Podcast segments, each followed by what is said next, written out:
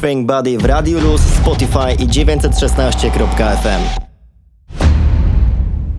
Dzień dobry drodzy słuchacze, przed mikrofonem e, Ola Wiza, a to jest program Think Body, który w co drugi poniedziałek o godzinie 17 do usłyszenia w akademickim Radio Luz na 91 e, i 6 FM we Wrocławiu, ale jest też dostępny w internecie w formie podcastu Think Body.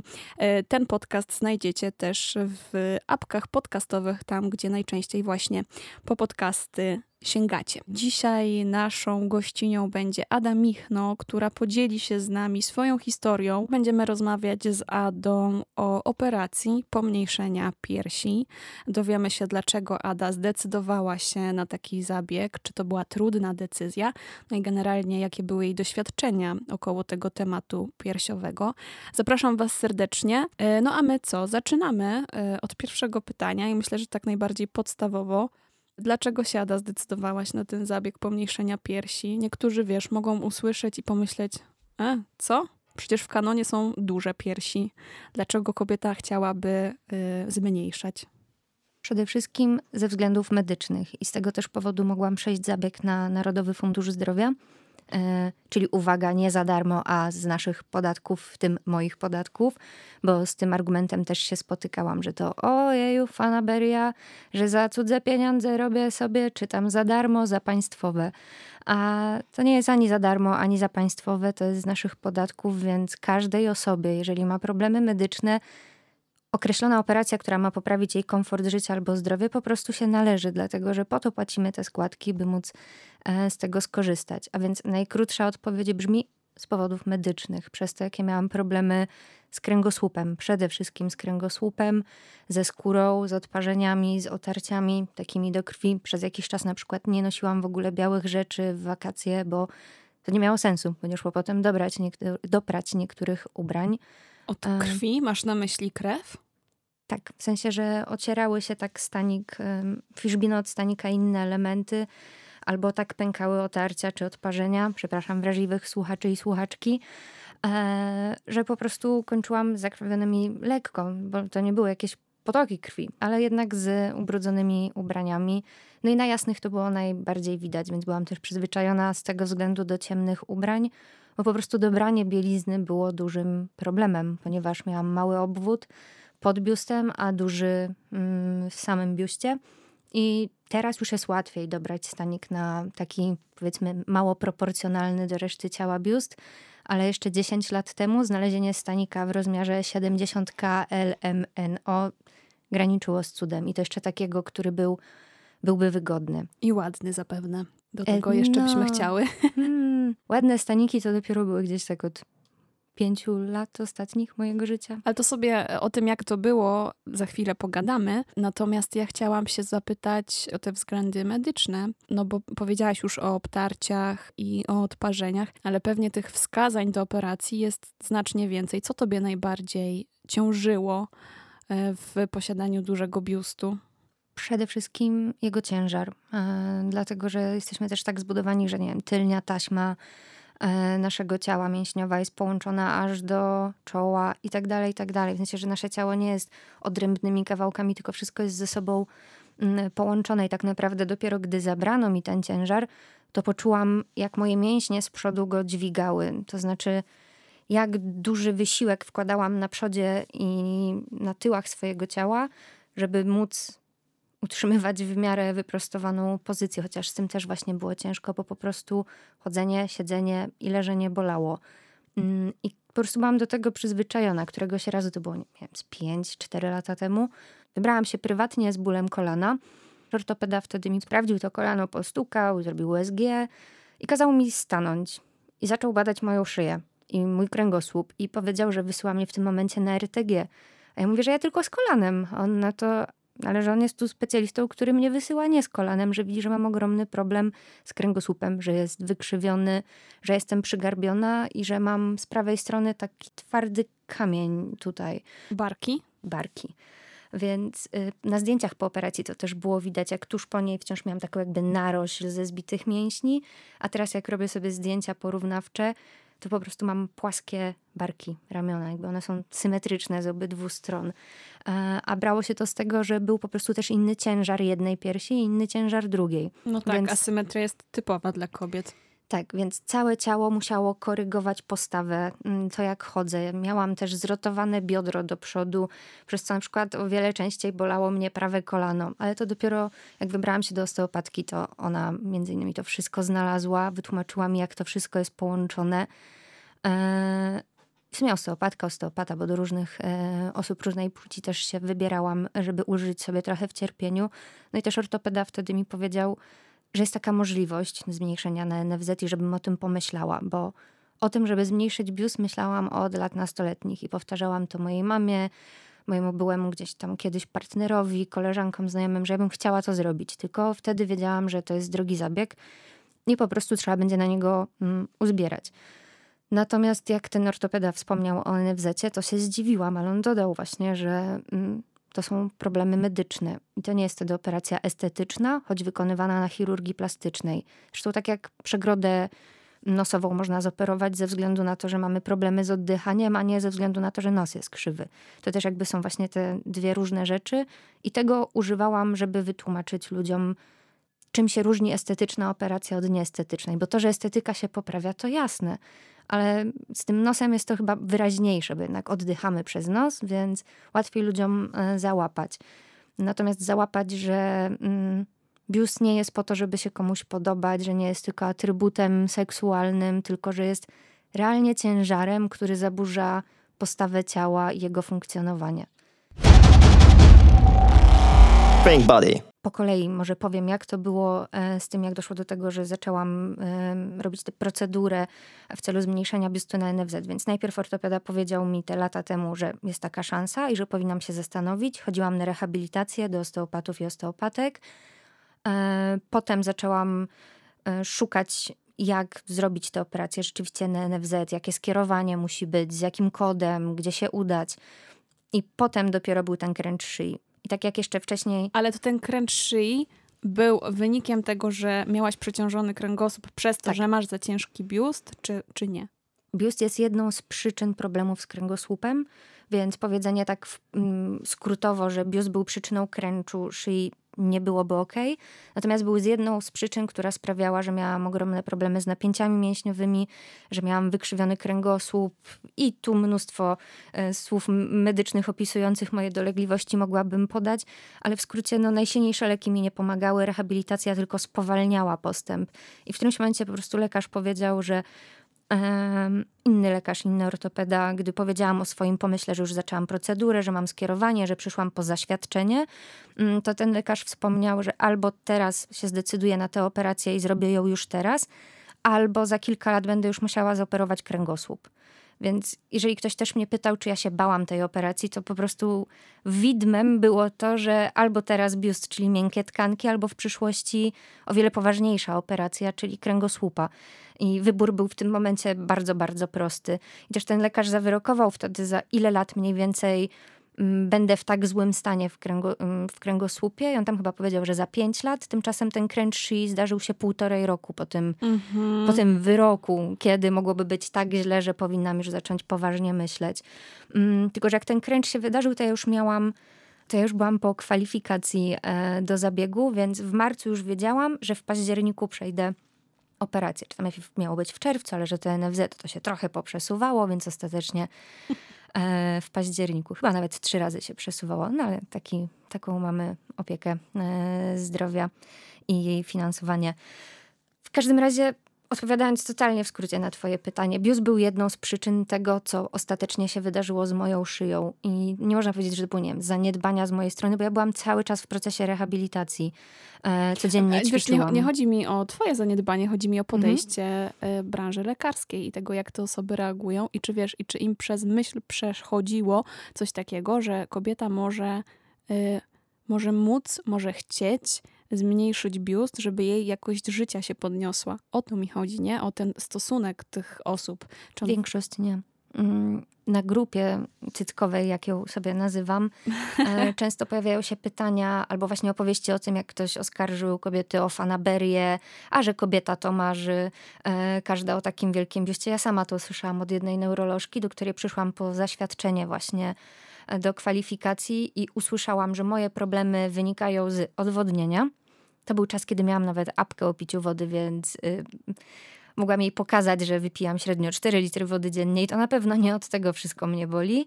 E, I ona też wspomniała, dotykając swojego biustu, lekarka w gabinecie lekarskim, że ona to by marzyła o takim dużym jak ja mam. No więc wtedy już mi nerwy puściły. Powiedziałam, żeby sobie zawiesiła po kiści bananów na sznurku i ponosiła i zobaczymy, czy będzie dalej mówić coś takiego w gabinecie lekarskim. E, I co ona na to? Speszyła się i wystawiła mi zaświadczenie o braku przeciwwskazań do zabiegu, a nie o wskazaniach. Natomiast potem już e, wylądowałam u, te, u, innego ortopedy, który był bardzo przyjazny i który wspominał, że wiele kobiet do niego przychodzi z tym problemem i że on dostrzega, że czasami wystarczy popatrzeć, jak któraś z nas po prostu stoi mhm. jak się krzywimy rozmawiając, e, czy zmieniając pozycję. Ja na to nie zwróciłam uwagi, póki on mi o tym nie wspomniał. I dopiero w toku zdobywania tych zaświadczeń odkryłam, że są lekarze, którzy mają do tego w porządku podejście, tylko że sama musiałam też o tym wspomnieć, że w tym celu przychodzę. Mm, ale też dermatolożka, do której trafiłam, e, też nie miała z tym problemu. Obejrzała mnie, e, to nie tak, że ja powiedziałam, a poproszę o zaświadczenie, o Anna na to jasne, już się robi, tylko rzeczywiście mnie zbada, zbadała, przyjrzała się skórze, doradziła co robić, żeby zminimalizować efekty dużego biustu, bo to też się wiąże z rozciągniętą skórą, z bardzo delikatną skórą w różnych miejscach. E, nie wiem, czy to będzie widać, raczej nie, ale mam też wgłębienia po prostu od staników, od tego ciężaru na skórze i wiele z tych kobiet na grupie ma te wgłębienia. E, I one tak łatwo nie znikną prawdopodobnie, bo to są lata dźwigania czasami paru kilogramów. A wiesz, ile kilogramów ważył twój biust, czy nigdy go nie ważyłaś? Nie da się całego biustu zważyć, ale wiem, ile wycięli. Ile? E, półtorej kilo w sumie. W sumie, tak jak się zastanowisz, to brzmi niedużo, ale jak dołożysz sobie, wyobraźmy sobie, dokładając półtora kilo z przodu do ciała, no to to już sporo. Plus trochę jeszcze zostało. No właśnie. Tak, w centymetrach najłatwiej podać, bo to jest 16 centymetrów w obwodzie różnicy przed i po operacji. O dobra, to już, to już w ogóle... Yy, to chyba łatwiej. Tak, łatwiej sobie to wyobrazić. Wiesz co, o, myślę, że o tych lekarskich rzeczach to jeszcze można by długo rozmawiać i może do tego wrócimy, ale mnie szczerze mówiąc e, na ten moment bardziej interesuje to, jak ty podeszłaś do, do tej operacji, czy to dla ciebie, wiesz, było... Czy to było dla ciebie trudne? Bo wiesz, jednak biust w naszej kulturze jest raz, że e, utożsamiany z jakąś seksualnością, co też za tym idzie z atrakcyjnością. Jest też utożsamiany z macierzyństwem. Dużo jest, bardzo dużo e, symboli przypisywanych cze tej części naszego ciała, która, no nie wiem, dla nas jest po prostu częścią ciała. Częścią ciała. No i ciekawi mnie to, czy, czy wiesz, czy miałaś jakieś takie myśli? Mm, ja podaję te przykłady, bo szczerze mówiąc nie wiem, jakiej odpowiedzi mogę się spodziewać, więc y, tak, takie propozycje może coś sobie wybierzesz. No ale jak to było? Miałaś, miałaś z tym trudność?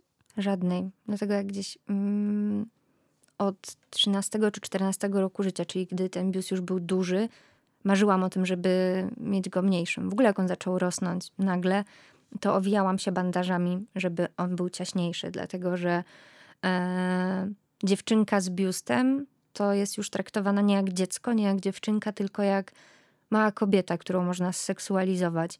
Nie zliczę ile razy, e, pewnie każda z nas słyszała do siebie lub do koleżanek tego typu teksty, że właśnie ma za duży dekolt. I ja to pierwszy raz usłyszałam w trzeciej klasie podstawówki, że mam za duży dekolt. W trzeciej klasie? Tak, i do dzisiaj to pamiętam, co chyba też jest znaczące, że to gdzieś nie uciekło z głowy. I pamiętam przeróżne komentarze na temat tego, że o, stajesz się kobietą, rośnie ci biust. Aż teraz mam gdzieś te ciarki wstydu, które gdzieś mi po plecach przechodzą. Pamiętam, jak się pod tymi słowami kuliłam.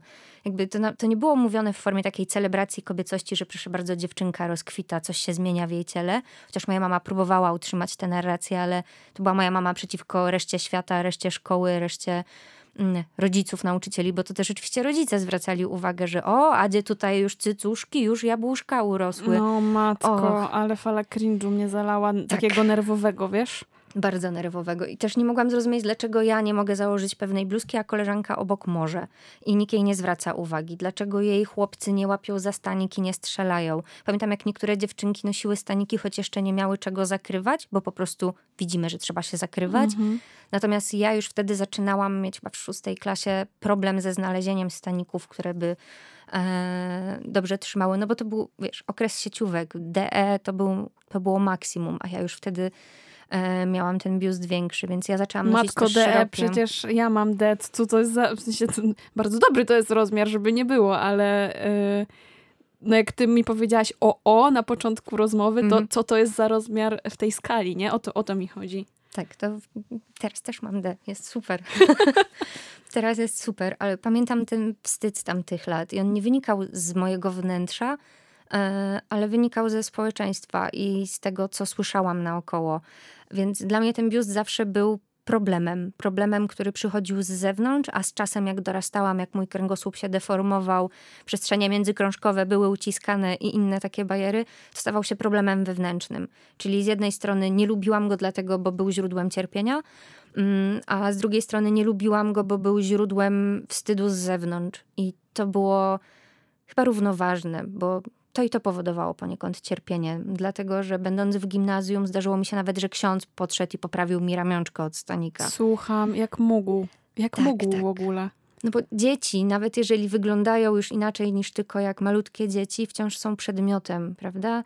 E, ostatnio oglądałam gdzieś w telewizji wywiad a propos mm, oddawania dzieci policji. I mm, rozmówczyni zwróciła uwagę na słowo oddawać. I prowadzący się nie zorientował, o co chodzi tej drugiej osobie, jakby nie było też tyle czasu antenowego, chyba żeby wyjaśniła. I konsekwentnie używał słowa oddać rodzicom. Natomiast ona próbowała zasygnalizować, że dziecko nie jest przedmiotem, który można oddać, jest podmiotem, który można przekazać ewentualnie, odstawić do domu. Ale no to, to gdzieś tam nie zadziałało i podobnie było mm, z biustem. Ja byłam dziewczynką, dzieckiem, póki ktoś nie zwracał uwagi na mój biust, który był przedmiotem przyczepionym do mnie, więc komentarze innych dzieci czy nauczycieli były na porządku dziennym. Strzelanie z tych staników to jest coś, co bardzo zapamiętałam, dlatego że gdy skarżyłam się, że po pierwsze to boli, po Mhm. drugie no, to nie jest przyjemne, to słyszałam, że to są końskie zaloty, tylko już wtedy mi to nie pasowało. Nie poczytywałam tego jako, że podobam się jakiemuś chłopakowi, tylko że jest po prostu głupi. Więc nie miałam żadnych trudności z rozstaniem się z tym problemem. I dla mnie to nie był ani symbol seksapilu, kobiecości, macierzyństwa, bo to też jest istotne, że przed zabiegiem informują cię o tym, e, że nie będziesz mogła prawdopodobnie karmić piersiami. E, I ja trafiłam akurat na super lekarza, który po prostu mnie o tym poinformował. Nie pytał, czy ja planuję dzieci, czy chcę, czy nie chcę. Nie zadawał prywatnych, osobistych pytań, tylko pokazał zresztą, że można być lekarzem, nie pytać o prywatne życie, po prostu przedstawić przeciwwskazania, konsekwencje i tak dalej, e, nie oceniając. Bo wiem, że dużo kobiet w kabinetach, gabinetach usłyszało, że nie mogą zrobić operacji w pewnym wieku, bo muszą najpierw urodzić. I to nie było zasygnalizowanie, że Matko, stracą taką szansę. Mhm. Więc czytam posty na grupie, w których dziewczyny piszą, że ten lekarz, tamten lekarz, tamta lekarka powiedziała to, to i to, że ktoś nie wystawił zaświadczenia, bo to, to i to. Ja wtedy zawsze mówię, proś o odmowę na piśmie. Bo najczęściej w moim przypadku, e, gdy już nabrałam tej swojej pewności siebie, gdy już byłam tak wkurzona po dwóch miesiącach diagnostyki, że wszyscy mnie zbywają i mówią, że przesadzam, że już zaczęłam prosić o odmowę na piśmie. Jak zaczęłam prosić o odmowę na piśmie, zaczęłam dostawać skierowania na badania. O historiach innych porozmawiajmy. Jestem ciekawa tych patologii, które się wydarzają w życiu innych kobiet, które decydują się na mamoplastykę. Ale jeszcze o twoje lata nastoletnie chciałam się dopytać.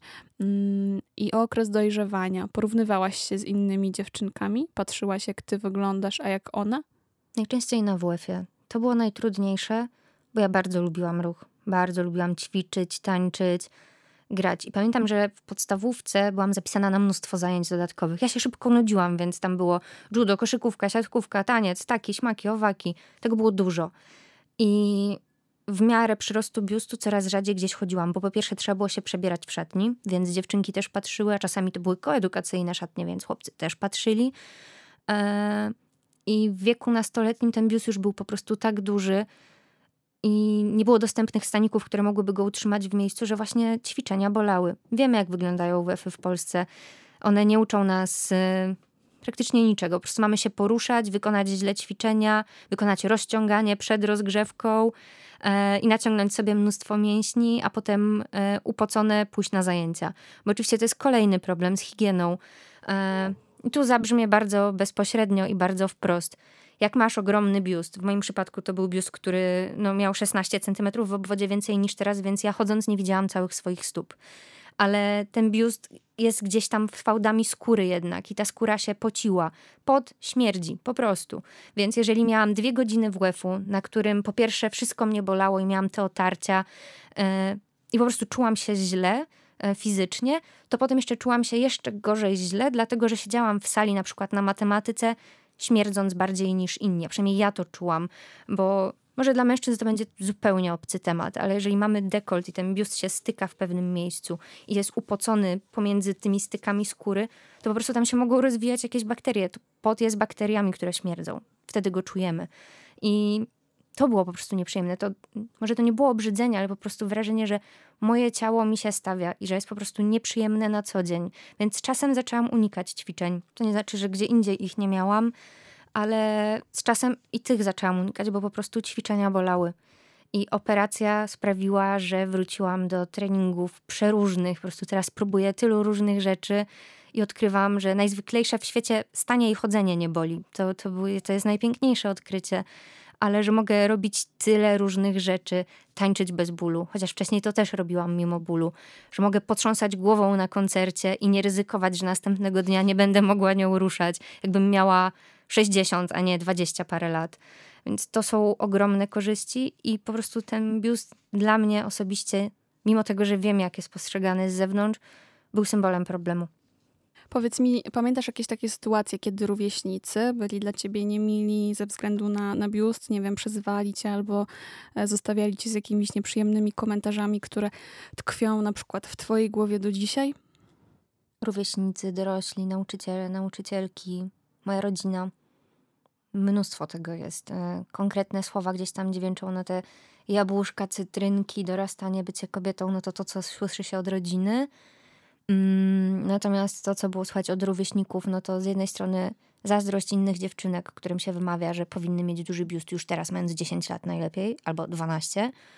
E, albo wręcz ich zawstydzenie, widząc mnie nago, gdy się na przykład przebierałyśmy e, w szatni. Więc ja bardzo szybko przestałam się przebierać w szatni w pełni, e, tylko chowałam się gdzieś po, po kątach i one też z czasem zaczęły to robić. Więc z zazdrością też patrzyłam na to, jak niektórzy chłopcy przebierali się przy otwartych drzwiach, a my gdzieś tam pokitrane po bokach. To w ogóle chyba jest taki problem a propos kobiecego ciała czy dorastającego ciała e, dziewczynek, że ono przez jakiś czas jest jeszcze dziecięce, ale potem nie jest jeszcze ani dorosłe. E, ani dziecięce, ale już traktujemy je jako dorosłe i je seksualizujemy. I to jest dla mnie przerażające. Jest to też dla mnie na maksa obrzydliwe i cringe'owe. Cycuszki, e, cytrynki, jabłuszka, e, zaczynasz być kobietką. Co to w ogóle znaczy, nie? O... Mm -mm, mm mam taki jeden wielki wykrzyknik w głowie, jak słyszę takie rzeczy, że jest mi na maksa przykro, że, że musiałaś przez coś takiego przejść. E, I pewnie wiele kobiet, wiele osób e, się z tym mierzyło, no bo, no bo, no bo żyjemy w takim, a nie innym e, społeczeństwie, nie?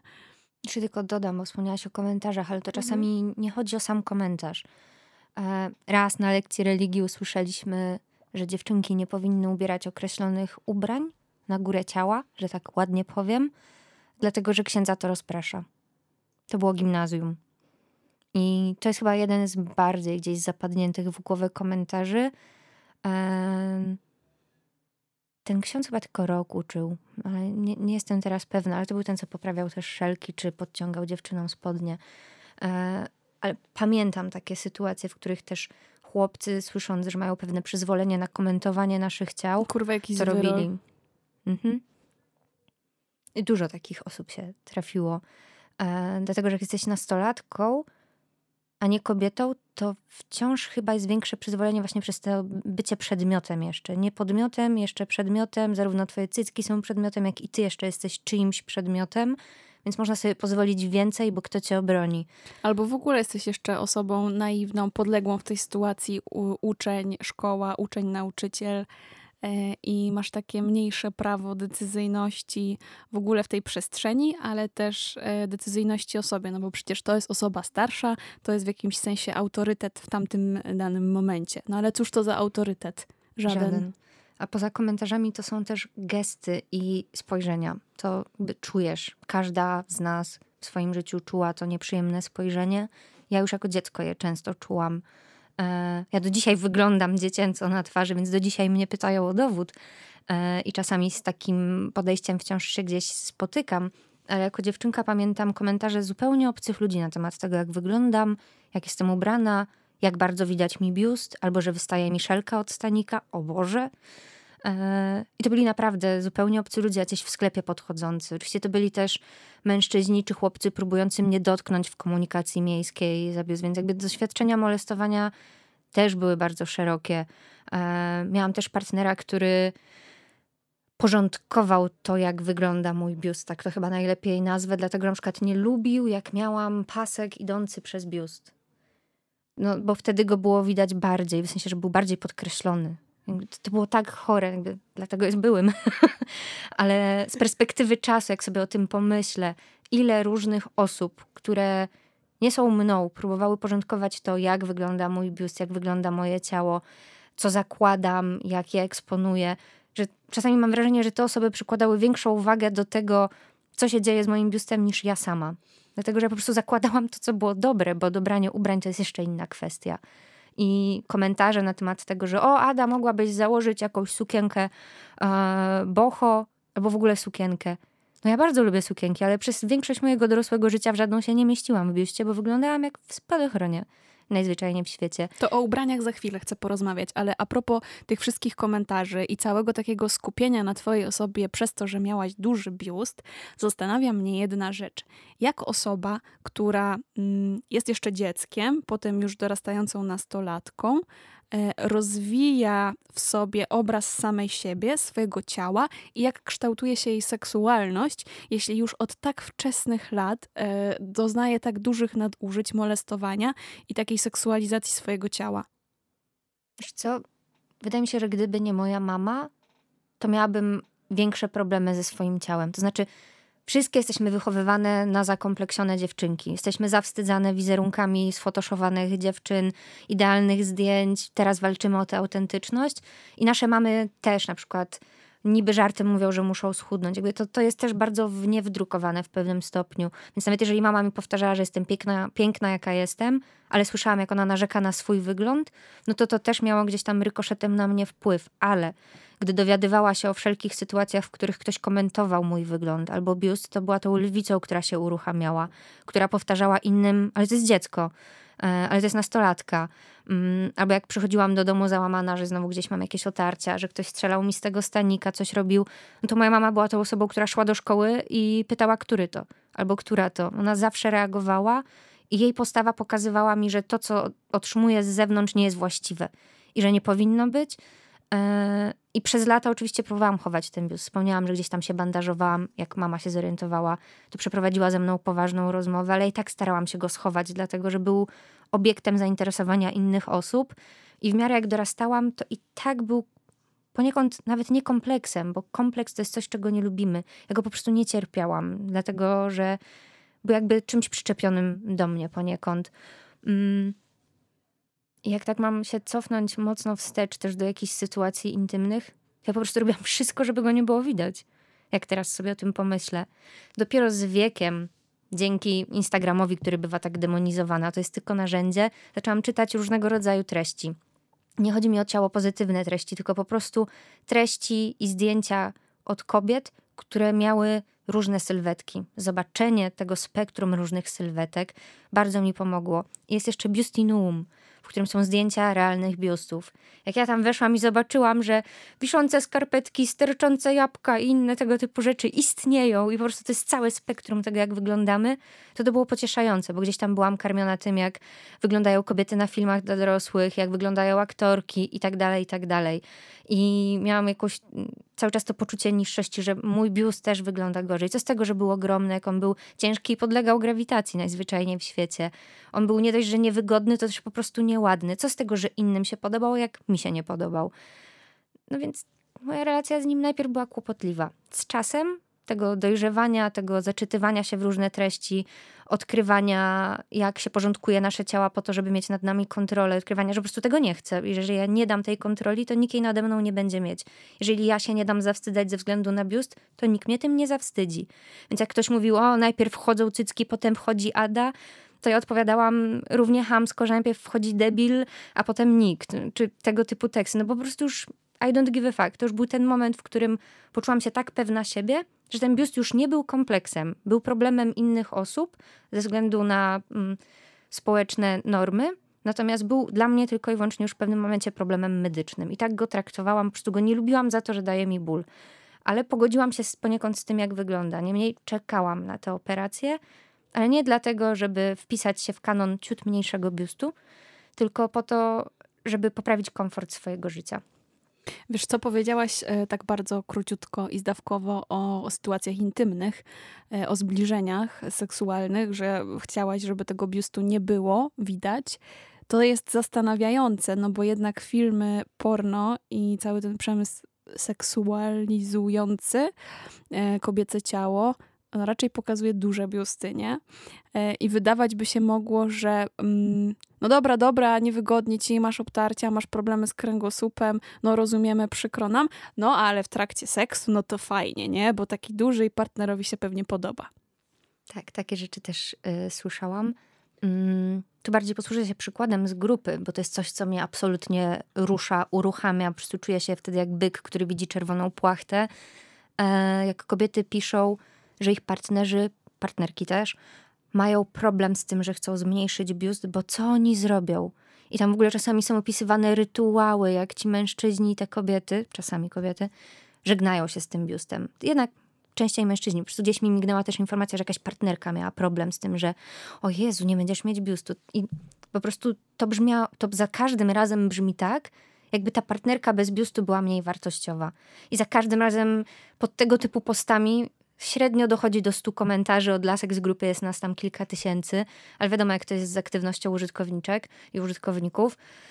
E, ale od razu się uruchamiamy, dlatego że to jest znowu ta sytuacja, w której ktoś inny chce mieć władzę nad twoim ciałem, więc wpędzacie w poczucie winy, że chcesz poprawić komfort swojego życia. I część babek ma takie od razu podejście hej do przodu i mówią, a ten mój mąż jest taki głupi i mówi o tych cyckach i się żegna, ale zrobię co będę chciała ale niestety są też kobiety, które pytają, jak wytłumaczyłyście swoim bliskim, swojemu mężowi, swoim rodzicom i tu wymienia się innych osób, że chcecie wykonać ten zabieg. I często po prostu odpowiadamy, bo go potrzebuję, nie twoja sprawa. Jakby jeszcze nie ma tego poziomu, w którym nie mamy tej potrzeby tłumaczenia się. Czym innym jest zapytać, ej, a dlaczego chcesz wykonać ten zabieg, a czym innym jest tłumaczenie się komuś, kto mówi ci, że nie powinnaś go robić. To są dwie różne sprawy. Czasami się okazuje, że pod tą e, nie tylko tym rozżaleniem mężczyzn kryje się właśnie troska. Że oni tak mówią, że o Jezu, będę za nim tęsknić, o pożegnam się z tym biustem, a do czego ja się przytulę? I w kilku przypadkach okazało się, że ten mąż nieumiejący, jak to stereotypowo się okazuje, mówić o emocjach, po prostu się bał, bo poczytał, że ten zabieg nie jest nieinwazyjny, to jest jednak rozległy zabieg i mogą być komplikacje. Więc jakby przykrywał też swoje emocje tym mówieniem o tym, że och, będę za nim tęsknił. Tymczasem czasami się okazywało, że rzeczywiście tam chodziło o uczucie i troskę o drugą osobę. Ale najbardziej wkurzają mnie te sytuacje, gdy kobiety czują przymus tłumaczenia się komukolwiek innemu ze swoich decyzji zdrowotnych. Bo nawet jeżeli psychicznie czują się źle ze swoim biustem, to to wciąż jest zdrowie psychiczne. To wciąż jest problem zdrowotny. A czy ty kiedykolwiek e, swojemu partnerowi, partnerce, osobom po prostu, no, z którymi byłaś blisko, w ten taki romantyczny sposób, e, musiałaś się tłumaczyć, że no, masz w głowie taką myśl i marzysz o tym zmniejszeniu biustu? Tak. Jakie były reakcje? Co mówiłaś? Dlaczego mieli z tym problem? No bo za co będą łapać? Ja odpowiadałam, że mogę kupić taką piłeczkę w seks shopie, która jest jak cycek. I że jakby zero problemu. No, pewnie jeszcze istnieją. No, nasz świat jest niesamowity. Na pewno istnieje jakaś poduszka wyglądająca jak cycki, która jest podgrzewana i imituje ci ciepłotę ciała. Na bank istnieje. Więc drodzy mężczyźni, jeżeli tu są jacykolwiek, którzy uważają, że ich żona powinna dalej dźwigać te parę kilogramów i szkoda wam, że nie będziecie mogli sobie raz na jakiś czas dotknąć tych cycków, to po prostu sobie kupcie takie sztuczne. Naprawdę. Albo je przyczepcie tak 5 kilo na jeden i 5 kilo na drugi. Rekordzistka z grupy miała wycięte 7 kg. 7 kilogramów? O Tak. matko, to jak ona żyła w ogóle? Jak ona chodziła? To był absolutny rekord, który padł w tamtym roku. Wcześniej to było 5, przecinek coś, ale redukcje powyżej 3 kg już są uznawane za takie naprawdę, naprawdę duże. Więc poniżej kilograma to są mniejsze, powyżej mm, między kilogramem a 2-2,5 to są takie duże, a wszelkie inne wyżej to już są naprawdę takie gigantomastie e, fest. Mhm. Wiesz co, chcę teraz porozmawiać o tym, jak się czujesz teraz. I chciałam się zapytać o to, czy ty w jakiś sposób odzyskałaś już kontrolę nad podmiotowością swojego ciała, mm, ale w tym sensie zewnętrznym, bo wewnętrznym słyszę, że wiesz, że twoje rozmowy z mamą i ten taki bunt, który miałaś też wewnątrz samej siebie, sprawiały, że e, no, byłaś sobą, to było twoje ciało i kropka. E, ale czy środowisko i wszyscy wokół tak jakby zwracają ci tą podmiotowość, y, bo, bo nie masz dużych cycków, albo nie odbierają ci jej, bo masz kanonowe, mniejsze piersi? Ludzie przestali gapić mi się na cycki. To jest coś niesamowitego. Po prostu zakładam Części rzeczy już nie mogę nosić, bo po prostu dekolt teraz odsłania wszystko, więc te rzeczy wylądowały gdzieś na vintage czuł mojej mamy. E, Natomiast te rzeczy, które nosiłam przed operacją i które noszę teraz, e, nie wywołują tego samego efektu co kiedyś. Ta bluzka, którą dzisiaj mam na sobie, e, nosiłam ją przed operacją. Ona jest bardzo rozciągliwa, ale była do tego stopnia rozciągliwa, że trochę prześwitywała pewnie i było widać być może stanik. Wnioskuję to tylko po tym, ile razy wzrok ludzi padał w dół, obcych ludzi. Bo to jest o tyle kłopotliwe pytanie, że moi znajomi wiedzą, że przeszłam tę operację. Ty wiesz, że ją przeszłam. Moi bliscy też wiedzą, ale obcy ludzie, którzy wejdą na mój profil na Instagramie, też wiedzą, dlatego że podzieliłam się tą informacją, bo postanowiłam nie dać się zawstydzić i po prostu udostępnić te wszystkie informacje, z którymi czułam się komfortowo, udostępnić zdjęcia przed, po, podać parę szczegółów, e, jak to wygląda. E, No bo niektórzy sądzili, że to jest coś podobnego do powiększenia biustu, małe cięcie, kilka szwów, szybkie gojenie, a to jest naprawdę inna operacja. Więc moi znajomi zwracają uwagę na mój biust, patrzą na niego, ale dlatego, że po prostu widzą różnicę. Czyli patrzą w dół, ale często też spyta- pytają, czy mogą spojrzeć. I ja totalnie to rozumiem, dlatego że to jest duża zmiana w tym, jak wyglądam. E, Na grupie zawsze się zachwycam tym, jak kobiety dodają zdjęcia przed i po, i swoimi też się dalej zachwycam. Jak wizualnie nagle wyglądamy na lżejsze. I nie mam na myśli samej wagi, tylko jak ta sylwetka wydaje się po prostu lżejsza. I to jest coś, co jedna ze znajomych, której nie widziałam w dużym odstępie czasowym, i ona nagle do mnie podeszła i mówi, hej Ada, a ja na to cześć, ona, jaka ty jesteś szczęśliwa, jaka ty jesteś zadowolona, jak ty się uśmiechasz. I wyszło na to, że ludzie kojarzyli mnie z taką markotną miną. A ja dopiero wtedy na to wpadłam, że to chodziło o to, że mnie cały czas bolało. I teraz nie boli codziennie. Wtedy naprawdę, dopiero jak mi zabrano ten ból, to poczułam się lekka. I to widać w całym moim chodzie, w podejściu, nie tylko w pewności siebie, ale w tym, że to się przekłada na całe samopoczucie. I ludzie, którzy długo mnie nie widzieli, dopiero po chwili zwracają uwagę na lekkość całego ciała. Nie tylko tę wizualną, w sensie, że wizualnie sylwetka się zmieniła, ale też taką tego, jak ja się zachowuję, jakie gesty wykonuję, jak stoję i że w ogóle jestem w stanie się wyprostować bez grymasu na twarzy, więc to jest duża zmiana. Ale no, ta podstawowa, obcy ludzie nie gapią mi się na biust. A jak z symboliką, e, tak wewnątrz samej ciebie, czego symbolem był biust wcześniej, a czego jest teraz? Wcześniej bólu, teraz możliwości. Rozwiń te możliwości. Ciekawi mnie to, może możliwości sportowe, pójdźmy trochę w to może bardziej. Mogę założyć tyle ubrań. To jest coś niesamowitego. E, bo trzeba powiedzieć, że staniki na duże biusty są drogie. Dlatego, że to, są, to muszą być solidne konstrukcje, które to wszystko utrzymają na szerokich ramionczkach i tak dalej, i tak dalej. E, więc te staniki, ja nie byłam w stanie kupić nowego stanika za mniej niż 200 zł. Teraz jestem w stanie kupić stanik za dwie, trzy dychy. No on nie będzie wybitny, ale trzyma co ma trzymać. Dlatego, że wcześniej rzeczywiście potrzebowałam ogromnego podtrzymania. Jakby stanik bez fiszbin dla mnie nie istniał. Nie, nie byłam w stanie nosić czegoś bez fiszbin. Chodzenie bez stanika, no po domu może tak, ale to w, w upały na przykład to wciąż było nieprzyjemne. Tak źle, tak niedobrze. A teraz to jest właśnie ta możliwość, że mogę albo chodzić bez stanika, albo wy, w ładnym, sportowym, niesportowym. Mogę nosić koszule zapinane na guziki. To jest w ogóle absolutne moje odkrycie, że nie wygląda w nich już jak w spadochronach. Mogę nosić wzorzyste rzeczy, dlatego że wcześniej jak musiałam coś kupić, co się zmieszczę, to musiały to być rzeczy o dwa rozmiary większe niż reszta mojego ciała. E, więc wyglądałam w nich jak w spadochronach i nie podobałam się sobie w tym wydaniu. Podobały mi się te ubrania, ale nie to, jak ja w nich wyglądam, nie to, jak krępują mnie, nie to, jak się marszczą na biuście, e, albo nie to, jak się po prostu w nich nie dopinam. E, no i teraz po prostu mam dużą wolność w tym, że mogę ubrać to, co mi się podobało od zawsze. I właśnie wczoraj przyszły mi ubrania używane, pozamawiane na Vinted. O Jezu, kochana, ja mam teraz trzy czy cztery sukienki. Ja nigdy w życiu nie miałam tylu sukienek w szafie. miałam może maksymalnie trzy w swoim życiu, a tam jeszcze ze dwie czy trzy idą. I po prostu widzę wymiary podane i wiem, że się zmieszczę. I nie muszę się zastanawiać, czy ten jeden centymetr sprawi, że komuś guzikiem dam w twarz, bo to się niestety też zdarzyło kilka razy w bardzo um, wątpliwych sytuacjach, które nie były gdzieś domowe, że właśnie moja bluzka nie dawała rady i no, ten guzik gdzieś odlatywał. I to, to było wtedy krępujące. Dzisiaj już jest zabawne, bo jakby to już mnie nie dotyczy, więc możliwość. Możliwość ubioru, swobody i możliwość ćwiczeń. Ale to a propos tego ubioru, zobacz, jaka to jest dysproporcja, że ciuchy są tylko na osoby mieszczące się w takiej bardzo wąskiej normie, nie?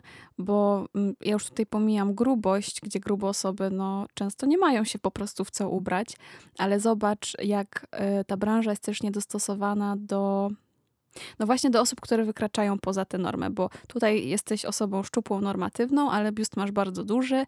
E, no i co? No i już klapa i się nie ubierzesz ładnie i no, nie oszukujmy się, no to jak się ubieramy też wpływa na jakość naszego życia w tym sensie, że dodaje nam trochę pewności siebie, być może e, sprawia też, że ludzie nas postrzegają w dany, a nie inny sposób. Jak idziemy na rozmowę o pracy, no to chcielibyśmy się ubrać może bardziej formalnie, w białą koszulę, ale właśnie tak jak mówisz, masz duży biust, to nie zapniesz guzika, bo albo się nie zmieścisz, albo komuś strzeli w trakcie rozmowy, więc dosyć krępująco.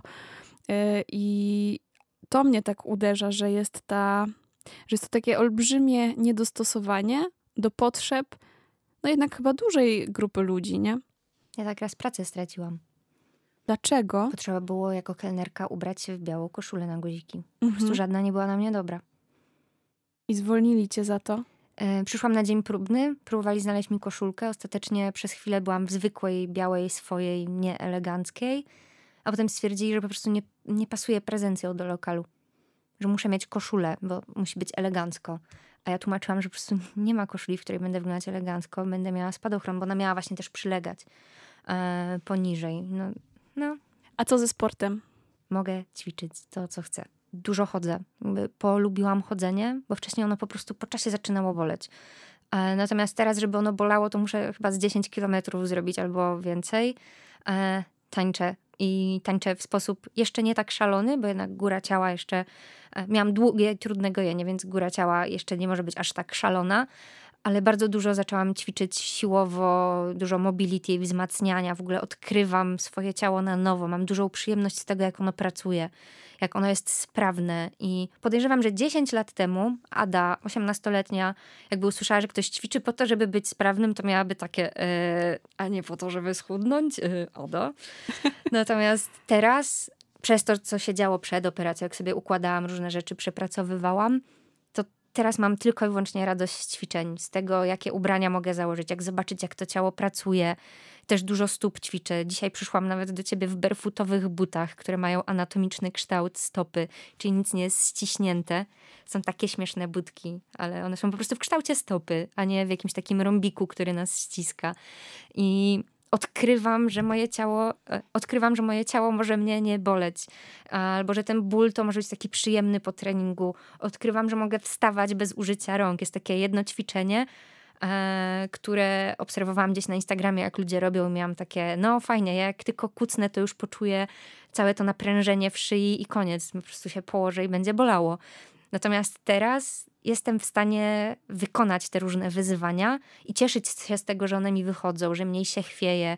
Jakby mogę stawiać wyzwania swojemu ciału, a nie z nim walczyć. I to jest chyba podstawowa różnica, że to jest radość z tego, jak moje ciało pracuje, jak działa, a nie ciągła walka z nim przeciwko niemu. Jakby teraz moje ciało jest bardziej moje. Nie wiem, czy to ma sens, co teraz mówię, ale wcześniej było troszeczkę wrogiem, a teraz jest takim fumflem.